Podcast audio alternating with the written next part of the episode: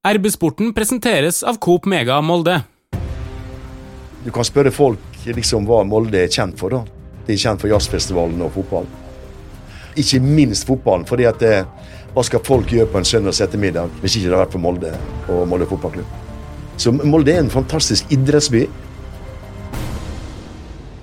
Ja, Hei og velkommen til en ny episode av eh, RB-sporten. Vi har uh, flytta oss til kommentatorboksen på Aker stadion, der vi har sett at eh, Molde har tapt generalprøven mot Bodø-Glimt. Det ble 2-3.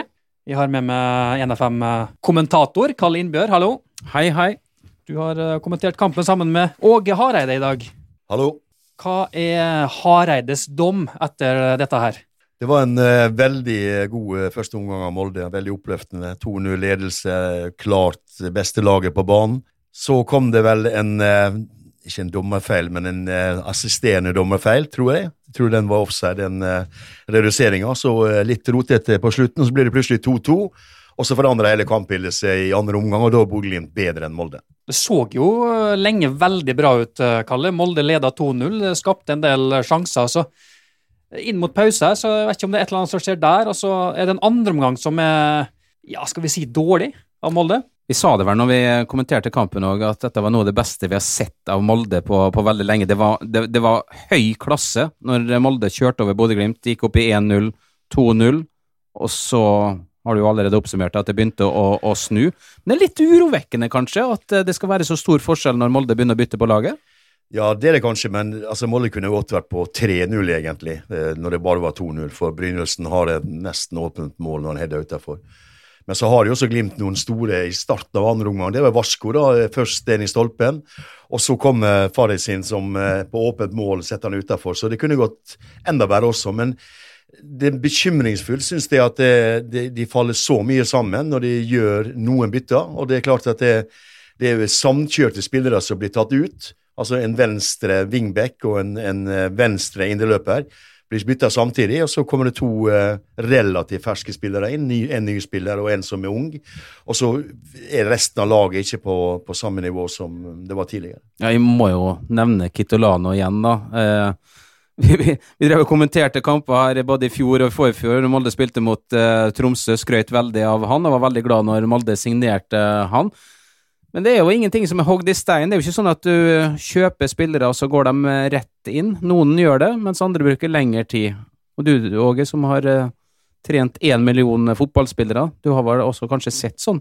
Noen bruker litt lengre tid? Ja, det gjør det, og det er helt tydelig at gutten er litt prega av manglende selvtillit for tida. da, fordi at det, det, var en del sånne enkle feil han gjør, men han gjør også en del taktiske feil som det handler om å operere sammen med, spesielt sammen med Wingbeck på den sida, for å etablere et bedre press. og og Bodø-Glimt tok seg fram på den sida på en langt enklere måte enn klart i første omgang. Nå er ikke litt inne på dette med innbytterne. altså Bodø-Glimt gjør jo en del bytter her, da, men de, de, blir jo bedre egentlig utover i, i andre omgang der, da. Ja, men Bodø-Glimt beholdt sin sentrale trio. Uh, som Der de hadde problemer i første, så ble de mye sterkere enn en Molde i, i andre. Og, uh, og, de bytta Jeg syns Bodø-Glimt bytta seg bedre. Uh, Molde bytta seg ikke bedre i denne kampen her. Men det har vi ikke grunn til å være litt sånn ekstra skuffa over disse innbytterne som kommer inn her, da, med tanke på at de må jo også bruke disse mulighetene her hvis de skal ha spilletid når serien braker løs. Ja, det har jo Erling vært eh, på hele tiden og sagt det om igjen og om igjen i flere intervju, at han ønsker at eh, masse spillere skal få spilletid før seriestart, for det kommer han til å få igjen for. Jeg håper jo inderlig at en eh, Grødem blir mye bedre i Eliteserien enn det han har vist nå i preseason kan ta det litt sånn kronologisk da, med, med skåringene her. Molde får jo en, en pangstart med ei ordentlig frisparkperle. da. Kristoffer Haugen. Vi har sett det før, men uh, de siste åra har ikke han tatt så mye frispark. Vi har sett det for Viking, uh, og vi fleipa jo litt med det òg, at uh, han har jo ikke fått sjansen i Molde, for det har jo vært ja, masse folk foran i, i køa. Nå var de ikke med. Og vi har sett Jeg, jeg husker, jeg så noen bilder fra Vikingkamp. Han gjorde det der, og han gjorde det her. Ja, veldig, veldig fint satt av Kristoffer Haugen. og det, det som... Um det som var bra med, med Molde-laget i første omgang, var jo at de var skapende, de var veldig fremadretta. Altså, spilte hurtig i lengderetning. Interessant med Brynildsen og, og, Berisha på topp. Når Magnus ikke var der, så var det interessant å se liksom hvordan de veksla på å bruke bakrom. altså Tidlig bakrom på Berisha er en, et, et, veldig godt middel, og det viste Veton flere ganger, men også Brynildsen. Og um, det var jo Første målet er flott mål, andre målet er fint mål. Så, um, og, og Brynildsen burde ha putta på en gang til, så det, det var ikke noe å si på det offensive spillet til Molde i første omgang. Fungerte det ikke veldig bra med den uh, du, nye duoen, hvis vi kan kalle det det, på topp der med Brynildsen og Berisha? Jo, jeg syns det. Og det var dette vi jobba veldig godt sammen. Og, og så er det en fordel med begge to at det, begge er hissige på bakrommet, så vet ikke helt motstanderen hvem av dem som går inn. da. Noen møter, og den andre går inn. og Det, det å få det til å fungere er viktig for å full utnyttelse av spesielt vetoen, i hvert fall.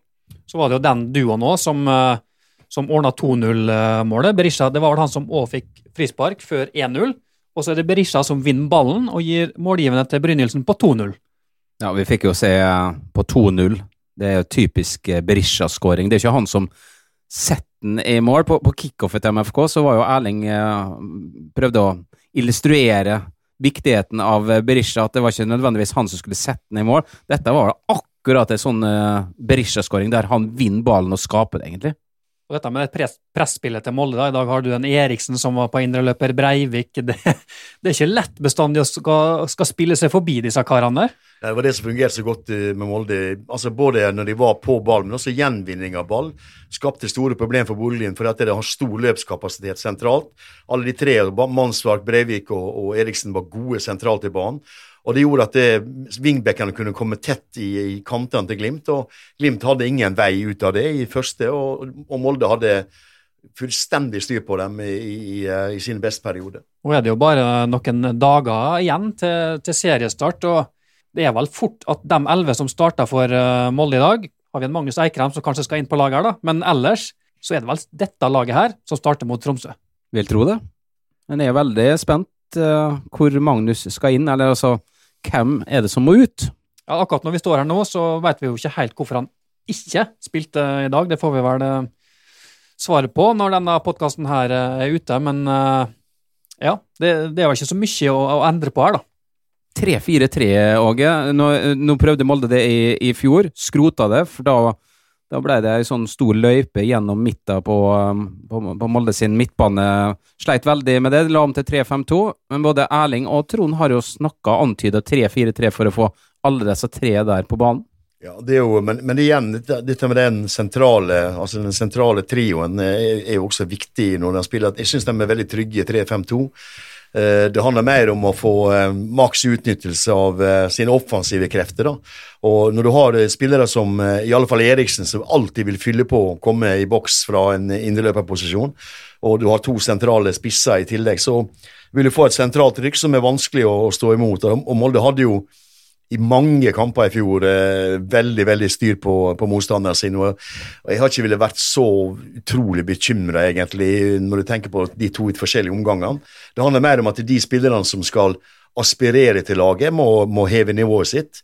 Og, og, sørge for at det laget ikke blir bytta, svakere, men sterkere.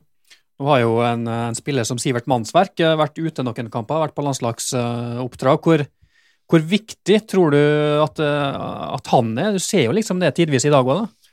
Jeg tror Sivert Mannsverk eh, kommer til å bli veldig viktig for Molde i åra fremover. Jeg tror at han kommer til å, sånn som han opererer på banen, og sånn som vi så han i fjor, og sånn som han har vært på U21-landslaget Han skal jo inn i et sluttspill der også i, i sommer.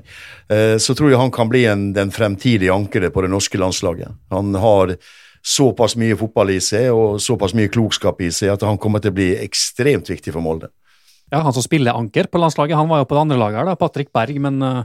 Eh, akkurat i dag så var det ikke mannsverk i hvert fall noe særlig dårligere? Nei, i første omgang så eh, var det stor forskjell på dem. Men i andre så ser vi Patrick Berg eh, i en, med, når han, han kommer på ball, så er han enda mer betydningsfull for laget. Men både Patrick Berg og Vetlesen er jo landslagsspillere, og i landslagsklasse, og, og, i andre så var de også spillstyrende. Men, men Mannsverk han er, um, ja, han er en, uh, en, veldig dyktig spiller allerede, men han kommer til å bli veldig god. Alle eksperter alle spår jo at det blir en ny gullduell mellom Molde og Bodø-Glimt. Uh, ble du skremt av det du fikk se av dem i gult i dag, Kalle? Nei, jeg ble ikke det. Jeg ble egentlig mer betenkt over at Molde varierte så, så mye. Molde var veldig bra når Molde var var på sitt beste. Da var det etter min mening klasseforskjell eh, på lagene.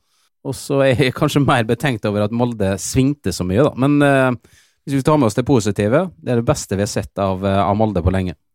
Glimt hadde en del feite sjanser i andre omgang som de ikke skårte på. Det var en som var med, med Muka, som var ferdig skåra, egentlig. Han tenkte bare å gå han i mål. Ja, men vi fant vel ut der, vi snakka om det, og at eh, de aller fleste på stadion hadde skåra. Bortsett fra Muka, da, tydeligvis. Så det er jo eh, altså de store de sjansene, og det, det er klart at det, Molde vil, vil jo helst ikke kikke på begge omgangene sånn sett, da, og, og, studere nærmere hva som, eh, hva som på en måte de ikke gjorde i andre som i første. Så Sånn sett så var det litt, kan det være en interessant generalprøve, for du fikk et veldig høyt eh, nivå i første, der ting fungerte optimalt, og så ser de på det, og så kan du si, så ser de også på de justeringene som Glimt gjorde. Glimt bytta seg sterkere, ble sterkere sentralt i banen, spesielt med de to midtstopperne.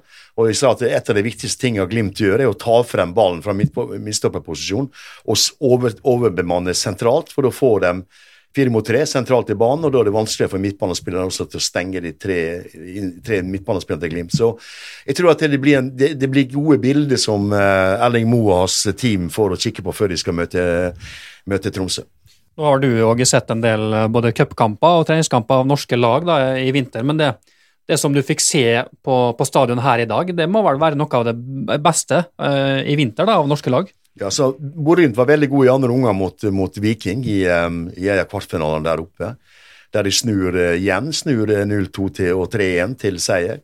Men Brann var også veldig skarpe i siste tredjedel av banen, syns jeg, og dyktige i, i, kampen mot Sandefjord. Så hvis, hvis noen skal utfordre disse to lagene her, så, så tror jeg det blir Brann.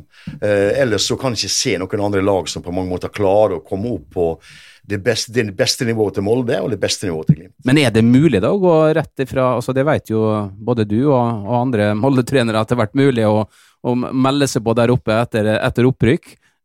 Eh, men de er ikke gode nok til å kjempe om gullet, Brann, eller? Nei, altså, jeg, jeg, jeg, tror ikke jeg kan ta det så langt, altså, men vi, vi rykka jo opp her på 90-tallet og var med og tok sølv. Altså, så det er mulig å være med og utfordre disse to lagene her, også i enkeltkamper.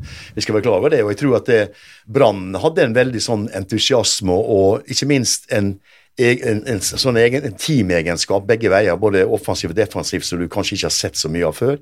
Og, og, og eh, gode samhandlinger offensivt. Så, så, det, og spesielt i siste tredjedel. Så det, det, kan bli interessant å kikke på. Er det ikke litt sånn typisk i Norge, da, at eh, et nyopprykka lag eh, overrasker veldig og, og er oppe i toppen? Husker Viking, når de kom opp. Brann, sist gang de var nede, så kom de opp med masse entusiasme. Jo, det var kanskje sånn. Vi, vi vet jo historien fra Molde òg. Vi har jo hatt noe opprykk. opprykket, eh, så um, du er nede og restarter, på en måte? da? Ja, du er, på mange måter det. Og så handler det om at du setter sammen en ny gruppe spillere som får spilt seg varme i, i, i divisjonen under.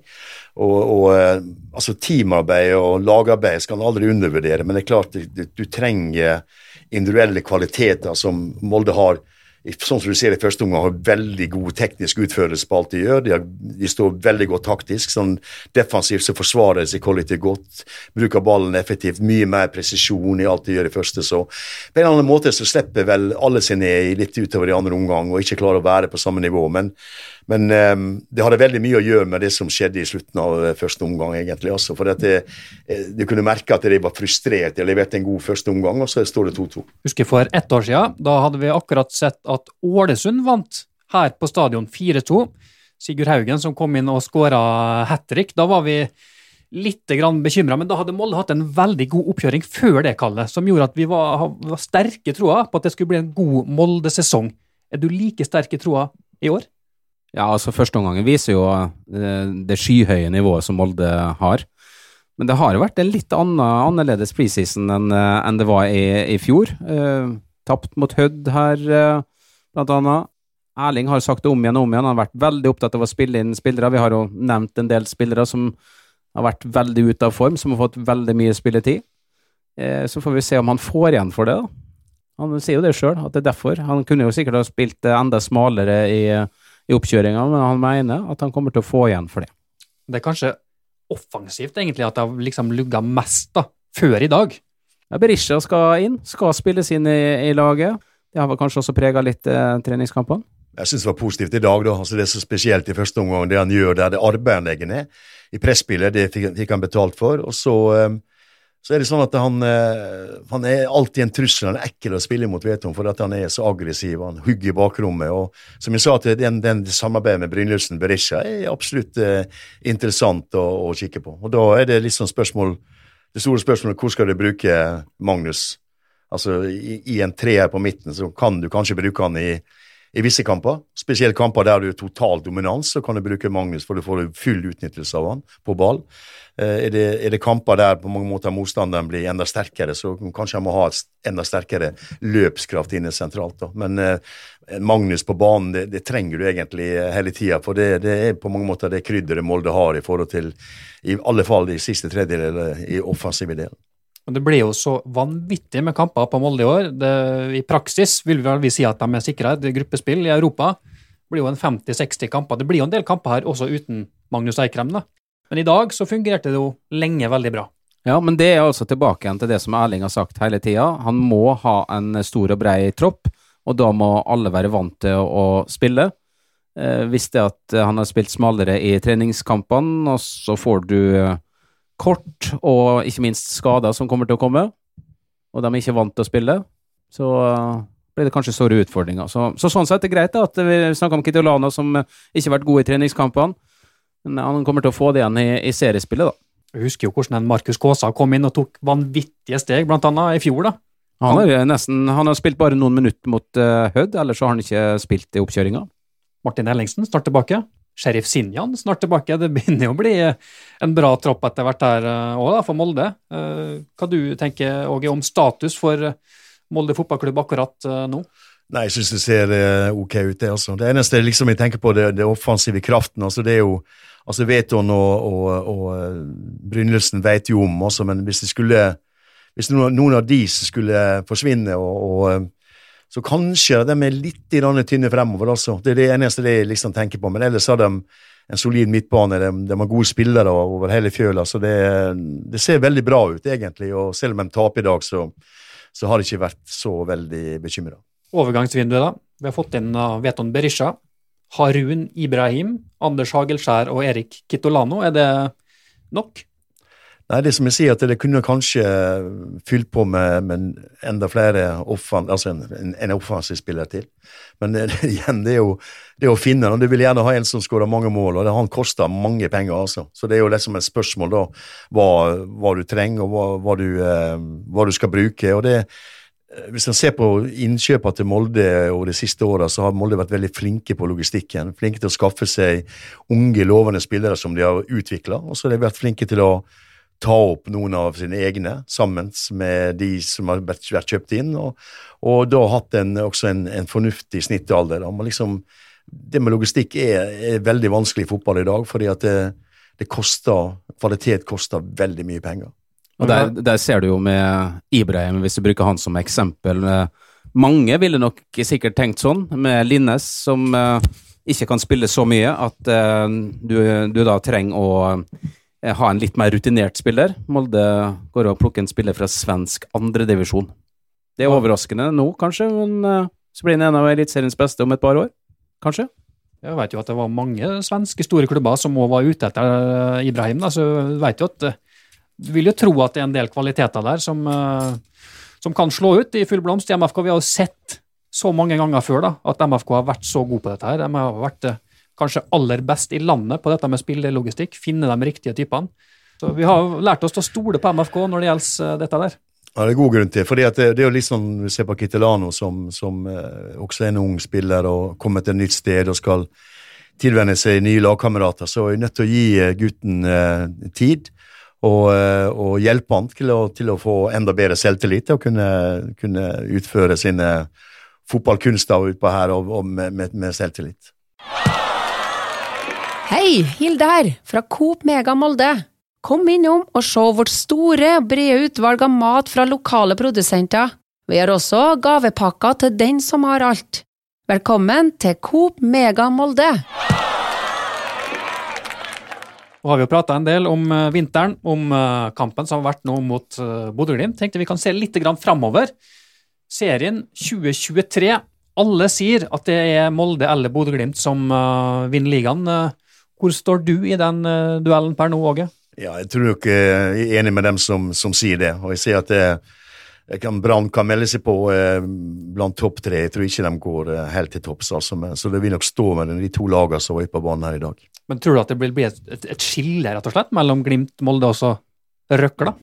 Ja, det er vanskelig å si. altså var, Molde var jo voldsomt suveren i fjor. altså det var, jo, det var jo bare Molde. Det var jo ikke noen som utfordra Molde i hele tatt. og det Ikke engang Bodø-Glimt klarte det. da, Så, så det, um, det er alltid sånn at når et lag på mange måter blir så um, suveren, da, så vil andre lagene forsøke å strekke seg, og da blir det det som blir kampen. Og Det blir jo utfordringa til Molde i år. da, Det å ta alle disse kampene der de gjerne vil slå det beste laget. Og det er i seg selv utviklende for de spillerne som er her i Molde. fordi at eh, da må de lære seg å håndtere press underveis hele veien. og eh, det ser ut som at de har, eh, altså de har den egenskapen, det viste de i fjor, til å tåle å være under press og bli satt under press. Jeg vet ikke, Karl, om du husker VG sitt kamikaze-tips rett før jul der? Var Svea i VG, det? I, I, desember? Ja. Jeg husker vi snakka om det i, i podkasten. Da smelte Svea og VG ut eh, et tips om at eh, her kommer Rosenborg til å, til å, til å ta dette her. Jeg husker vi snakka om det. Vi,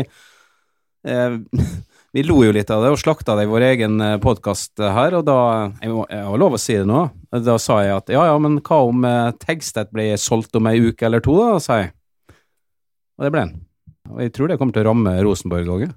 Det ser sånn ut, altså. fordi at det, når han kom inn, så skjedde det noe med både og Det er det som er så interessant når det kommer en sånn angrespiller som på mange måter kan gjøre mål, og også en, en dyktig fotballspiller til å sette opp andre, så løfter hele laget seg offensivt. og Det var det som skjedde med Rosenborg i fjor. I, eh, nå er det på mange måter ikke bare Tengsted, men også eh, Vecchia er borte. Og de to er, begge to er målgarantister. De er dyktige fotballspillere. og det, det kommer til å merkes på Lerkendal. Så jeg tror ikke de eh, kommer til å klare å utfordre topp tre til, eh, til, kommende sesong, eh, ut fra det som vi har sett. da. Men um, det er alltid tungt å komme til Lerkendal og spille for fleste lag, og, og det vil det være fortsatt. Men, men for å komme på samme nivå som Bodø-Glimt og, og, Molde, så er det et stykke igjen. Defensivt så ser det ut som at Kjetil Rekdal som alltid har uh, god kontroll. De slipper inn lite mål og lite sjanser imot, men som du sier, Åge, det er vanvittig med målpoeng som er borte der. En Viktor Jensen nå, som var veldig bra i fjor. Uh, er de nesten altså, Vi skal jo aldri avskrive Rosenborg, men gull, det kan vi glemme at de tar. Jeg tror ikke de kommer til å være i nærheten, med mindre det kommer en ny Tegstedt der da, som uh, bøtta inn uh, mål. Jeg, jeg, jeg, tror nesten sånn Hvis ikke han hadde kommet, Åge, så hadde jo eh, Rosenborg fort Det så, så dårlig ut før han, før han kom, og han fort havna på åttende-niendeplass. De hadde vel 14 poeng på de ti første kampene der, og så snudde det jo litt etter hvert, da. Ja, det, er jo, det er jo derfor det, det offensiv kraft er så, er så, enormt viktig i fotball. altså Du kan organisere laget ditt i hæl altså, og du sørger for at motstanderen ikke kommer til så veldig mye. Men eh, du, du, klarer, du klarer ikke å basere hele drifta på det. For da hadde det vært lettere å, å, å skape resultat hvis du bare hadde forsvarsspillere. Så du er nødt til å ha offensiv kraft, du er nødt til å ha kreativitet inn i laget. og du sier at det, det er jo hele miksen i, i, fotballen. Du kan, du, du kan, forsvare det til mye, men du klarer ikke å forsvare det hele veien til et seriegull. Det går ikke. Og Du vet jo litt om dette, at i, Trondheim så forventes det at det, det skal skåres en del mål òg, for at publikum blir fornøyd? Ja, det skal det absolutt. Og, eh, men jeg syns likevel at Lerkendal-publikummet har jo på mange måter vært tålmodig. De vet jo at de må gjennom en prosess nå for å kunne etablere og komme tilbake til gammel, gammel storhet. da. Og eh, det vil nok Rosenborg være i stand til å gjøre med, med de kreftene de, de, har rundt seg, og, og, ikke minst publikum. Og det er jo det som er litt sånn bekymringsfullt, da, hvis vi skal kalle det bekymringsfullt, er at det, vi er tross alt fra en liten by. Og, og, eh, vi har de folka vi har her i byen som går på kamp. Vi skulle gjerne hatt enda mer, men infra, altså infrastrukturen rundt Molde. altså i forhold til eh, Hvis du har en kveldskamp i Molde, så kommer ikke nesten folk seg hjem igjen etter kamp. og Alt dette må vi leve med. Men det er bare Bodø er jo eh, bare Bodø er jo dobbelt så stor som Molde.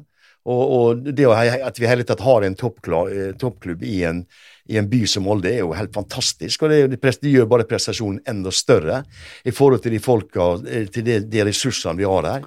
Og Derfor så har jeg liksom en sånn oppfordring til til folket som er i Romsdalsregionen og kan nå til kamp, det å gå på kamp. For det, det betyr så enormt mye for dem som er utpå her, å se at tribunene er fulle. Og det betyr noe for de som sitter på tribunene òg, for at alt vokser med at det er mye folk til stede. Hele prestasjonen må man liksom ta inn over seg, for nå skal Molde kvalifisere seg til Champions League. Og, og hvis de klarer å, nå et sånt toppnivå så de, de har vært på en, gjennom sesongen i fjor, så kan de komme til Champions League òg. Da blir det Altså, det er jo ingen som får oppleve Champions League-kamper og gruppespill der. Det er bare noe helt fantastisk. Du har jo vært i Champions League, Åge, du. Ja da. ja da, det er jo, Og det er jo et, med, med et område med en klubb som på mange måter er så mye større enn Molde. Og fordi at det, det som Jeg tror jeg hadde jo landslagsspillere som kom til Molde fra De, de var med Ajax, og de, de, eh, de kom hit og og skulle spille de var med Fenebache. Jeg hadde to landslagsspillere der også, som, som kom hit i pøsende regnvær og til dels sludda i byene. Og, og syntes det var forferdelig å spille i Molde. Men det var ikke det var, det var ikke bare været. De møtte også et godt fotballag, og, det, og, det, og de var ganske imponert over at det hele tatt gikk an å, å få frem et så godt fotballag når de landa i Molde. Ja, men det er imponerende. Ja, det er jo det. Og det, de som, det må vi jeg synes at det er når vi som bor her, og vi som har spilt i klubben og har vært, vært der og sett på utviklinga i Molde fotballklubb, så er det klart at det, det må vi kunne få lov å altså Alle her bør kunne slå oss som har med Molde fotballklubb å gjøre, bør slå oss litt på brystet og se hva som er levert og, og prestasjoner opp gjennom åra og skal nå ut i kvalik til Europa igjen. Og, og, um, du kan spørre folk liksom hva Molde er kjent for. da. De er kjent for jazzfestivalen og fotballen. Ikke minst fotballen. fordi at det, hva skal folk gjøre på en søndags ettermiddag annenhver søndag gjennom, gjennom, sommeren hvis ikke det har vært for Molde og Molde fotballklubb? Men pga. fotballen så tror nok mye østlendinger og andre plass i landet at Molde er en større by enn den egentlig er? Så absolutt, men, men det som er interessant, er at det, Molde er faktisk en fantastisk idrettsby. Og det, Folk glemmer det. altså tenker på Nå har håndballen kommet opp og er på toppnivå i, i, Norge. Du har fotballen der. Du har alle, altså vinteridretten, og du har en drang med Mo, du har en Movinkel som er på topp i verden. Og, og vi har hatt langrennsløpere som er på topp i verden. Vi har skihoppere. Så Molde er en fantastisk idrettsby. Og når du kikker deg rundt, så skjønner du det at det, folk eh, rører på seg her oppe. altså. Og eh, når du tenker på klubben og anlegget og så kan vi også sende en liten uh, takk til Kjell Inge Røkke oppi det hele også, da, som har på mange måter lagt det til rette slik at vi kan gå ut på, på stadion her og se fotball. Det, det, hører absolutt på sin plass hjemme, spesielt nå, da, når han får kritikk for å ikke være i Norge. Jeg har sagt det lenge, at Molde det må jo være Norges beste idrettsby. Altså, I alle idretter nesten så er Molde der oppe og hevder seg, til og med i bowling. Molde har Norges beste bowlinglag. Skulle bare mangle. ja. Ikke bra i undervannsrugby også, da. jo da. Det er verdenseliten. Men nå har vi prata litt, grann, vært litt innom uh, Men du, eh, sorry at jeg avbryter. Du må, du må jo stille noen spørsmål hva jeg og Åge syns om uh, Prosjekt Fagermo. Hva syns du om Prosjekt Fagermo? Nei, det går ikke riktig vei. Nei, jeg syns uh, de har snakka om utvikling der veldig lenge, og det er jo fint å snakke om utvikling, men hvor mange år skal du snakke om utvikling? Er dette tredje eller fjerde året i, i Vålerenga? Jeg tenker, hvis du snakker om storby, da. Det er jo, det er jo Oslo her. Og Erling hadde jo et, På den livesendinga som vi hadde, så hadde jo Erling et fint stikk mot Vålerenga. De har jo vel, vært veldig på liksom, å prate om Molde sin pengebruk, og de har en rik onkel her, osv. Når det kom et uh, underskudd på over 40 millioner som skulle dekkes inn, så var det en mann som tok uh, hele pakka. Eh, så Derfor så må vi stikke Vålerenga litt. Eh, alle i Norges land bør forvente at Vålerenga skal ligge lenger opp, men jeg tror ikke de kommer til å være i nærheten av gullet i år. Altså det, det, er veldig, mange, mange, faktorer som spiller inn i forhold til å skape et fotballag, også, men den aller viktigste faktoren tror jeg handler om kultur. Det handler om det som ligger i veggene, altså i klubben. Altså, uansett hvem som kommer dit som trener, så vil på mange måter det alltid være der. Og da kan liksom, man kan også kikke på det, liksom, hvor ofte har de vært og kjempa om gullet, hvor ofte er det laget der. Og så av og til så får du sånne driftere innom. Stabæk har vært der, Vålerenga har vært der, Brann har vært der av og til. Så det har vært eh, stort sett eh, oppe i Trøndelag og så her. og eh, Hvis man begynner å se på maratontabellen, og begynner å se på de som har tatt gull og sølv og bronse og vært der hele veien, så, så er Molde vel like klar toer som Rosenborg var ener. Altså, og, og, og, nå begynner det å begynne å befeste seg som en vane at Molde skal være oppi der. Og Det der er, det har med kultur å gjøre. altså Helt siden klubben kom opp her jeg, jeg spilte mot Molde når de var i andredivisjon. og spilte for Hødd, og da rykka de opp da når disse her gamle heltene kom tilbake til byen. altså Når Jan Fuglestedt kom tilbake, Ari Estad, Torkel Brakstad og, og, de øvrige som var på laget, løfte opp igjen dette her Molde. For Molde var ikke noen, var ikke noen toppklubb på det tidspunkt. Men de kom tilbake med et brak da, og rett opp og tok sølv, og burde ha tatt gull i 74. Og så sier Molde liksom, litt sånn opp og ned heistilværelse, fordi at det på 70- og 80-tallet så måtte vi selge spillere for å dekke, dekke kassekreditten i, i Romsdal Fellesbank da, for å overleve. da. Og da var ikke vi profesjonelle. men det var likevel etablert en enorm kultur, og du kunne se folket som er i gangene enda, da, som helt fra Jon Hoem sin tid som formann. Så ser du at dette har vært en, det har vært en kultur, det har vært en utvikling. Fantastisk flott utvikling av klubben. Og det har ført til at det, Molde er der de er i dag, rett og slett. Altså. Det er kultur, og det har altså Vålerenga har ikke akkurat samme kulturen som, som Molde har hatt. Klarer ikke. Ålesund har det ikke på samme måte som, som Molde. Og, og Kristiansund er jo ferske på, på dette nivået. så dette det, det, har med, det, har med, kultur å gjøre. Skal vi ta to, liksom, om, om, om Ålesund, eh, naboen vår òg? Det, det, har jo i vinter sett veldig mørkt ut, egentlig, for dem. Henta vel litt uh, spillere på, på, deadline day der, men uh, vi spår vel en litt tøff sesong for uh, Ålesund. Skal jeg fortelle hvordan dette der kommer til å ende? Det blir veldig tøft. Uh, og allerede nå så har det vært murra litt uh, rundt Lars Arne Nilsen. De er ikke helt fornøyd med, med fotballen uh, som han spiller. Eh, og så får de ikke resultat, så går ikke det bra. Og så midtveis i sesongen så får han fyken. Da blir det Åge Hareide som eh, avrunder sesongen som Ålesund-trener, tenker jeg. Karl, du har en fantastisk, du har en fantastisk idé, Karl. Altså. Vi skal minne deg på det, Åge. ja, vi skal i hvert fall bare Denne episoden her skal vi lagre og ta opp igjen i, til sommeren, ja. Da, jo, da har jo Ålesund òg gjort ferdig kampene mot Molde. Mm. De er jo begge i mai. Ja. Så det gjør jo ingenting, da, at uh, Åge drar dit og berger plassen med OFK. Men det er jo litt viktig at vi har altså, var, Jeg var litt lei når Kristiansund gikk ned, faktisk. Altså, for jeg er litt sånn imponert over det de har fått til i Kristiansund, med små ressurser, egentlig. De, de fyller den stadion med entusiastiske nordmøringer og kristiansundere.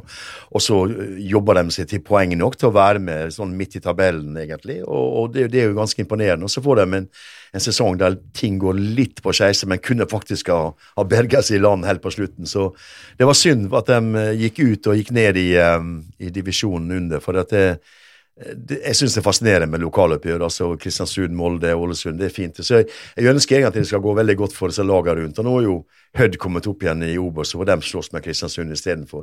Men, men jeg syns det ser altså, det er veldig mange lag i Norge, og det bekymrer meg litt. fordi at det, jeg syns det er stor forskjell på Molde og, og Bodø-Glimt, eh, sånn som de står, i, for, i, forhold til en del andre lag i landet. Jeg syns det har vært veldig variabelt eh, kvalitet på det, på det jeg har sett fra, eh, fra andre lag. Har vi lov å stikke Bodø-Glimt litt rann, altså, De har jo fortjent å bruke penger, for de har jo tjent mye penger.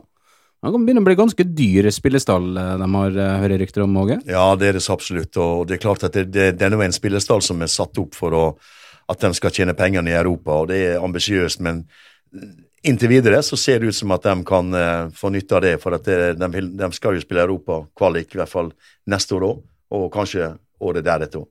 Men de har nesten ikke råd til å bli nummer fire eller fem da, i serien? Nei, det har de ikke. det jo, eh, det, Men det rare er jo det at det, sånn som fotballen har blitt, da, så er det nesten ingen lag som har råd til det.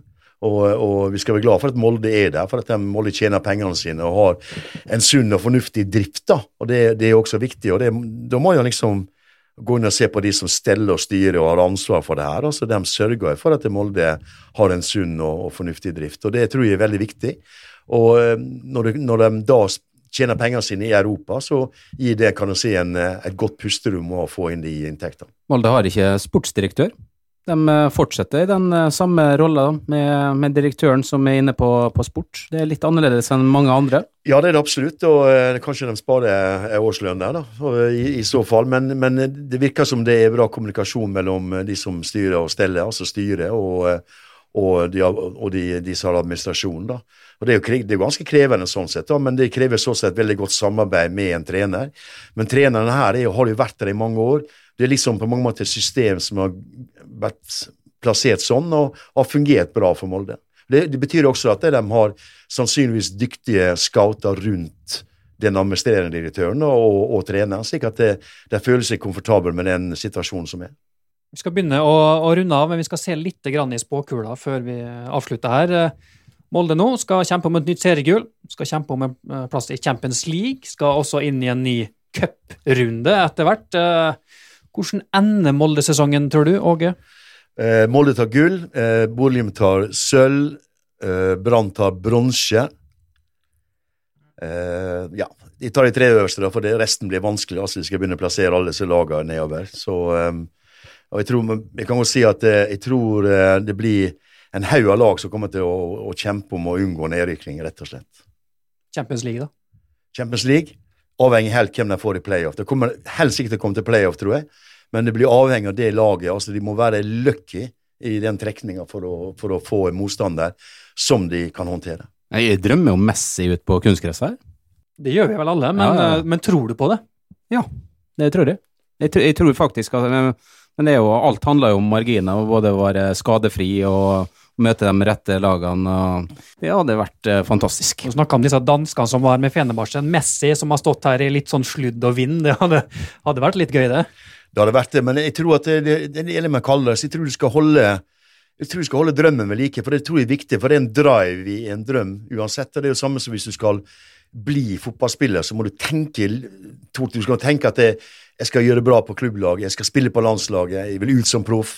Du må ha den driven i deg. altså Se hva som skjer med Molde-spillere. Se på Aursnes. Jeg snakka med Aursnes i Malaga. Jeg var så glad for at det den gutten som begynte der jeg begynte, egentlig, på Hareid, og, og spilte sine første kamper der, og gikk til Hødd og til Molde, og nå kom ut. og, og um, Jeg kjenner faren, og, og han var en gammel spiller på Hareid. Så det, det er veldig stolt at han gutten kommer der ut fra den øya der, og, og nå er han i Lisboa, og så er han blant eh, stjernene i Portugal. Han er jo på mange måter, Det er jo folk som mener at han kan bli årets spiller i Portugal. altså, og det, Jeg syns det er helt fantastisk. og det, det, det, Han kan komme hit med Benfica, vær så god.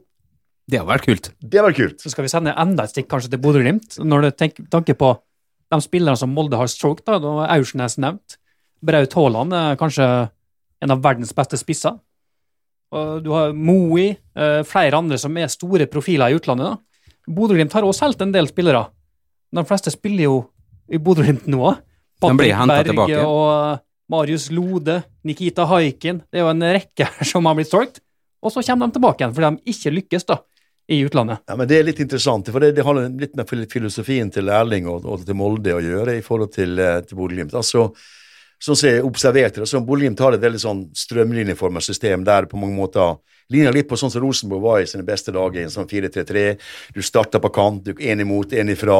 Du får motsatte bevegelser. Eh, Du veit hvor spillerne op opererer på linjene, altså i forhold til det som er opptrukket på papiret.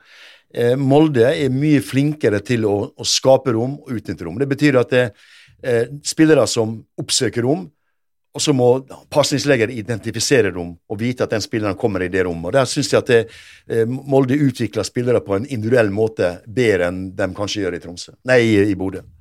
Du òg må, må tippe litt, da. Molde-sesongen 2023, hvor bra blir det? Jeg tror det blir, blir veldig bra, og jeg er ikke så ulik eh, mitt tips med, med Åge sitt. Altså Molde vinner, og så blir Bodø-Glimt på andreplass. Så tror jeg at Lillestrøm sniker seg inn foran eh, Brann. Jeg har ikke snakket noe om Lillestrøm. Jeg har sett eh, de jobber veldig bra i, i Lillestrøm, og det er jo der har blitt en sånn ny drive de siste årene. De har eh, nye treningsmetoder som alle i klubben eh, tror på.